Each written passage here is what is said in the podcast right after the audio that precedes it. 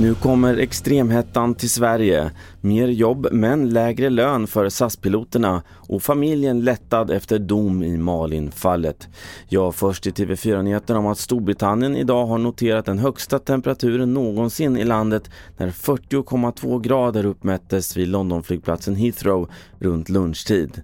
Och här i Sverige har SMHI utfärdat en orange varning för imorgon och på torsdag när det väntas uppemot 35 grader i norra Östergötland, södra Örebro län, västra Södermanland och södra Västmanlands län.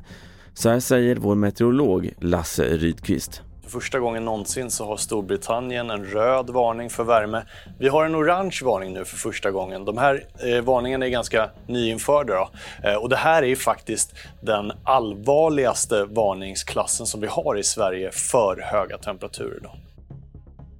Det nya avtalet mellan SAS och piloterna innebär bland annat att 450 piloter återanställs successivt men får mer jobb med lägre lön. Så här säger SAS-piloten Ingolf Pääjärvi. Det är ju ett givande och tagande i förhandlingar och, vi har gett och eh, SAS har fått ge efter. Och det, sen kan man alltid titta på andra större bolag och, och se att de har väldigt bra avtal, piloterna där, men vi jobbar i SAS och då, då är det det här som gäller. Och sist om att 44-årige Olof Wiberg idag dömdes till fem års fängelse för mordet på 16-åriga Malin Lindström i Husum 1996. Olof Wiberg friades i hovrätten 1998 men dagens DNA-teknik gjorde att han nu kunde åtalas på nytt och fällas för mordet. Så här säger Malins bror Håkan Lindborn om att fallet fick sitt avslut idag.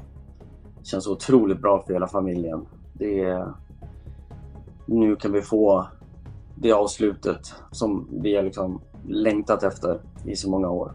Eh, nu är vi samlad familjen, bara med varandra och, och kanske minnas Malin lite extra eh, idag.